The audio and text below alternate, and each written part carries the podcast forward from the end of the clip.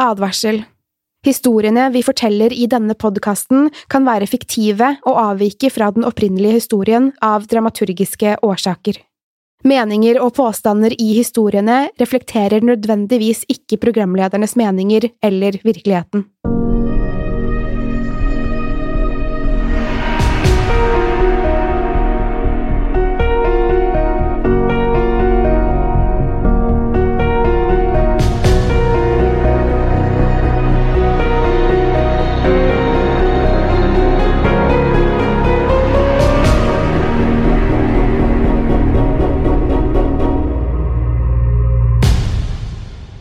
Velkommen til dagens episode av Skrekkpodden. Jeg er eh, fremdeles helt alene i studio. Eh, I motsetning til forrige uke så har jeg faktisk med meg en produsent i dag. Så jeg er ikke like alene som forrige uke, men Pernille dessverre er fortsatt syk. Eh, og for de av dere som hører på True Crime Podden, så rest assured, det kommer en episode av True Crime Podden denne uken også, selv om hun ikke spiller inn denne uken så er det andre del av eh, forrige helgs livearrangement. Og takk til alle som har vist forståelse for at eh, jeg gjør Skrekkpodden alene i disse to episodene. Og takk til alle som også har begynt å høre på Historiepodden, som vi også lager her. Eh, takk til gode råd og tips om både episoder i eh, Skrekkpodden, True Crime-podden og Historiepodden.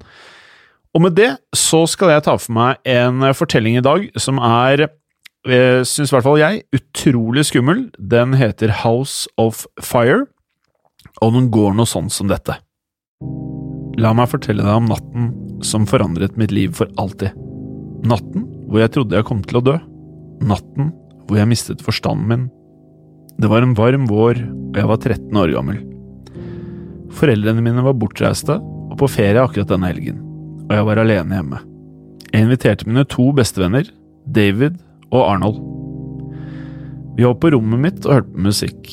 Arnold strakk ut hånden og senket volumet. Han sa, Hei, kan du ikke fortelle meg en skummel historie? Jeg har så lyst til å bli skremt i dag. David sa seg enig. La oss føre. Ok, sa jeg. Det er en forferdelig fortelling. Jeg hørte den en gang tidligere. Den er slik at det skjedde for veldig mange år siden. Det var en mann som hadde en syv år gammel sønn. Konen hans døde når hun ga ham fødsel. De bodde landlig til, og det var ikke naboer på mange mil. De hadde ikke engang telefon, for på denne tiden så trakk de ikke linnene så langt. En dag kom han hjem fra jobb, og forskrekket så han at huset sto i flammer. Han ble med en gang redd for sønnen sin og løp inn i huset og ropte på han. Han kunne høre sønnen svare, og forsto raskt at sønnen var fanget i flammehavet på sitt eget soverom. Faren løp til soverommet og prøvde å få opp døren, uten at han fikk den opp. En bjelke hadde falt fra taket og sperret døren fra innsiden. Han banket og dyttet på døren alt han kunne, men den rikket seg ikke. Han tok løpefart og løp mot døren i håp om å få den opp, men det heller virket ikke. Samtidig kunne han høre sønnen sin skrike han jamret. Sønnen fikk panikk, han skrek og gråt om hverandre, mens han bar seg etter hjelp. Faren skrek i raseri over at han ikke kunne komme seg inn, og ble stadig mer desperat. Det eneste han kunne tenke på, var hylene til sønnen, og at døren ikke lot seg rikke. Sønnen hans brant inne i huset. Faren døde også. Han klarte aldri å få opp døren, men han ble der med sønnen til siste slutt mens han desperat prøvde å bryte ned døren, helt til han ble kvalt av røyken og flammene. Arnold så nå på meg med forakt og sa det der var jo ikke skummelt. David var enig. Det var ganske svakt. Det er mer trist enn det er skummelt, vel? Det var da jeg bestemte meg. Nei, nå skal jeg fortelle dem den siste delen av fortellingen. Jeg hadde egentlig ikke tenkt til å fortelle dem om dette, men jeg glemte meg helt vekk og ønsket å imponere dem. Det var dumt av meg å fortsette, men jeg gjorde nå engang det. Vent! Dere har ikke hørt siste delen, sa jeg. Helt siden den gang har faren sitt gjenferd forsøkt å åpne døren for å redde sønnen sin. Hvis du sier Vel mm, Jeg vil helst ikke si ordene, men hvis du roper på han og sier at alt brenner, og at han må komme for å hjelpe deg, så vil gjenferdet hans dukke opp og ta deg av gårde. David så på meg og sa, har du prøvd dette, eller? Nei, svarte jeg. Et glimt av nysgjerrighet var å spore i øynene til Arnold akkurat nå. Hei, vi burde faktisk bare teste dette, nå med det samme, sa han. Jeg ble anspent, jeg hadde virkelig ikke lyst til å tilkalle et gjenferd. Jeg angret allerede på at jeg hadde sagt noe om denne legenden. David smilte. Ja, hvorfor ikke? sa han. Jeg skulle til å fortelle dem at jeg absolutt ikke ville gjøre dette, men jeg fikk liksom aldri sjansen. Arnold etterlignet en redd gutt og skrek. Pappa, pappa, hjelp meg! Flammene er overalt, jeg er redd. Så brøt han ut i latter. Jeg lo ikke, men han lo. Han lo mye. Lettere underholdt så David på han uten å si noe. Arnold begynte å skrike igjen, enda høyere denne gang. Jeg brenner! Pappa, jeg brenner! Hjelp! Stopp, Arnold, dette er ikke gøy, skrek jeg. Jeg mente det ikke, det bare glapp ut av meg. Jeg var veldig redd og ville ikke høre på noe mer. Hva er du redd for? lo Arnold. Kom igjen, det er bare en dum historie. Det er alt. Det er ikke engang en bra en. Med et kremt fortsatte han. Pappa, vær så snill, hjelp meg! Flammene brenner! Jeg, jeg, Med ett så smalt det høyt i døren på soverommet mitt. Arnold stoppet midt i skrikingen. Vi frøs til, alle sammen nå. Det var en ekkel stillhet. Vi så på hverandre uten at noen turte å lage en eneste lyd. Bank, bank, bank. Vi holdt på å hoppe ut av vår egen kropp. Igjen lød det bank, bank, bank. Hva er det bråket? skrek Arnold. Hvis dette er en spøk, så er det ikke morsomt, sa David. Ansiktet hans var likblekt. Bankingen på døren fortsatte. Så hørte vi en mann skrike. De forferdelige skrikene ville for alltid være hos meg. For alltid i minnene mine. Jeg kan fortsatt høre de. Det hørtes ut som skrikene til et døende dyr. Det var umenneskelig og uendelig trist samtidig. Bankingen på døren og de forferdelige skrikene fortsatte nesten febrilsk, uavbrutt. Jeg var livredd og prøvde å gjemme meg bak skapet. Arnold tok tak i en stol og sto klar til å slå til enhver person som kom inn døren. David køp opp mot veggen. Tårene strømmet ned i ansiktet hans. Nei, nei, hylgråt han. Hva er dette? Jeg er livredd. Med det samme så økte hylingen utenfor døren. Det ble enda verre og mye skumlere. Bankingen på døren ble hardere. Jeg trodde jeg skulle klappe sammen, så redd var jeg. Panikken tok helt over for David. Jeg klarer det ikke mer, jeg må komme meg ut herfra. Med det løp han mot vinduet og åpnet det. Nei! skrek jeg. Ikke gjør det, men før jeg rakk å fullføre setningen, hoppet han ut av vinduet. Jeg hørte han falle. I et lite øyeblikk så var alt helt stille. Så hørte han hyle ut i smerter. Han skrek 'jeg falt', 'jeg er skadet', 'jeg tror jeg knukket ryggen'. Jeg løp til vinduet og så ut. David lå der på betongen og skrek av smerter. Han jamret. Skrikingen fra døren ble enda høyere. Og stemmen bak døren hørtes gal ut. Jeg holdt på å bli gal. Det var ustoppelig. Det var som et mareritt, og Davids skriking gjorde alt bare enda eklere. Spesielt ettersom Arnold og jeg var for redde til å hjelpe han. Så luktet jeg noe. Jeg la ikke merke til det med det samme, men det var som en luft som kom inn i rommet. Det var ekkelt, det var nesten kvalmende. Overveldende. Det var som lukten av smeltende hud. Og kjøtt! Det var uutholdelig. Jeg snudde meg vekk fra vinduet og så Arnold stå midt i rommet.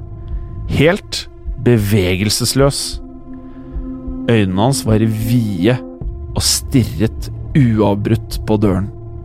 Som om han var i en transe. Så bøyde han seg over og kastet opp utover teppet. Bankingen og skrikingen og lukten av det brennende kjøttet og synet av Arnold som spydde. Det var for mye for meg, jeg kastet opp jeg også nå. Jeg lente meg mot veggen mens David fortsatte å hyle utenfor vinduet. Så fikk jeg en idé. Kanskje David sin hyling? Kanskje var det som tiltrakk mannen utenfor døren? Jeg lukket med ett vindu. Vi satte oss på gulvet med hendene tett lukket for ørene våre, mens vi skalv av frykt mens bankingen fortsatte.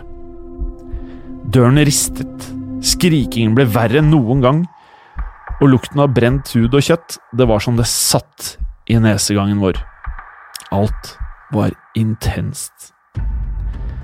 Med ett avtok skrikingen, og lukten seg sakte, men sikkert vekk. Bankingen var fortsatt der, men langt roligere, og ett helt stille. Alt vi kunne høre nå, var David sine skrik. Han skrek mer enn noen gang. Selv med lukket vindu kunne vi høre han. Arnold så på meg og spurte i en lav stemme. Hva gjør vi nå? Kanskje vi skal ringe politiet, sa jeg. Eller brannvesenet, eller jeg vet ikke. En ambulanse til David, kanskje? Hvor er telefonen din? spurte han. Nede, svarte jeg. Tror du det er borte? Vel, det er stille, svarte jeg nølende. Riktig, vi, må bare gå ned. Vi går. Det er borte, ikke sant? Vel, jeg tror det, svarte jeg. Arnold reiste seg. Han reiste seg sakte. Nølende gikk han mot døren. Og forsiktig tok han tak i dørhåndtaket, og sakte turte han å dytte døren litt på gløtt. Han tittet ut i gangen. Det var visst tomt. Som et glis i fjeset så han på meg og sa Det er sykt. Døren var jo oppe hele tiden. Det dumme spøkelset. Men han skulle ikke rekke å si setningen ferdig engang. På et blunk så kom det en hånd fra bak døren og tok tak i halsen til Arnold. Arnold sto der, stiv av frykt. Det samme gjorde jeg. Uten å skrike, øynene vide av frykt. Arnold var redd. Armen som holdt ham, var forkullet. Jeg kunne lukte det brennende kjøttet mer enn noen gang. Før jeg rakk å tenke, så var Arnold med bare borte. Rett foran øynene mine, dratt gjennom dørkarmen og ut i gangen, i en vill fart. Døren smalt igjen med et øredøvende smell. Jeg kom opp og løp mot døren, men jeg turte ikke å åpne den. Jeg ropte på Arnold flere ganger, men ingen respons. Jeg turte fortsatt ikke å åpne døren. Jeg var redd for at den forkullede mannen fortsatt var der. Så åpnet jeg døren. Nå har det gått en stund, og ingen har sett Arnold siden.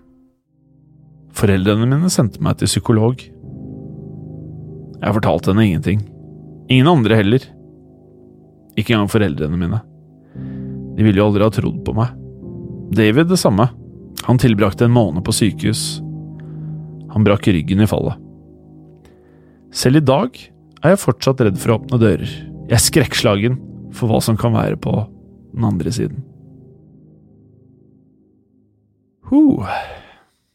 Det der eh, var både skummelt når jeg skulle forberede episoden, og litt ekkelt når jeg skulle lese det inn, faktisk. Jeg håper dere også ble livredde.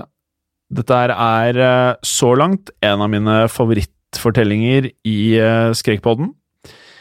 Jeg ønsker igjen å takke alle som sender inn så mye bra forslag på DM på Skrekkpodden sin Instagram-konto. Vi setter utrolig pris på det, og nå har vi fått flere forslag på e-post til episoder. Vi har fått forslag til fortellinger. Vi har fått uh, lytterhistorier. Så bare vær tålmodige. Vi lover å ta tak i alt, og vi lover også å svare på det aller, aller, aller meste. Det er bare at tidvis så kan det også være mye. Men det er bare hyggelig, så fortsett å sende alt dere makter og har lyst til å, å få frem til oss. Rate oss veldig gjerne på iTunes. Vi blir superhappy for masse stjerner. Og øh, vi hører gjerne fra dere uansett hva det skulle være. Med det, hold det skummelt.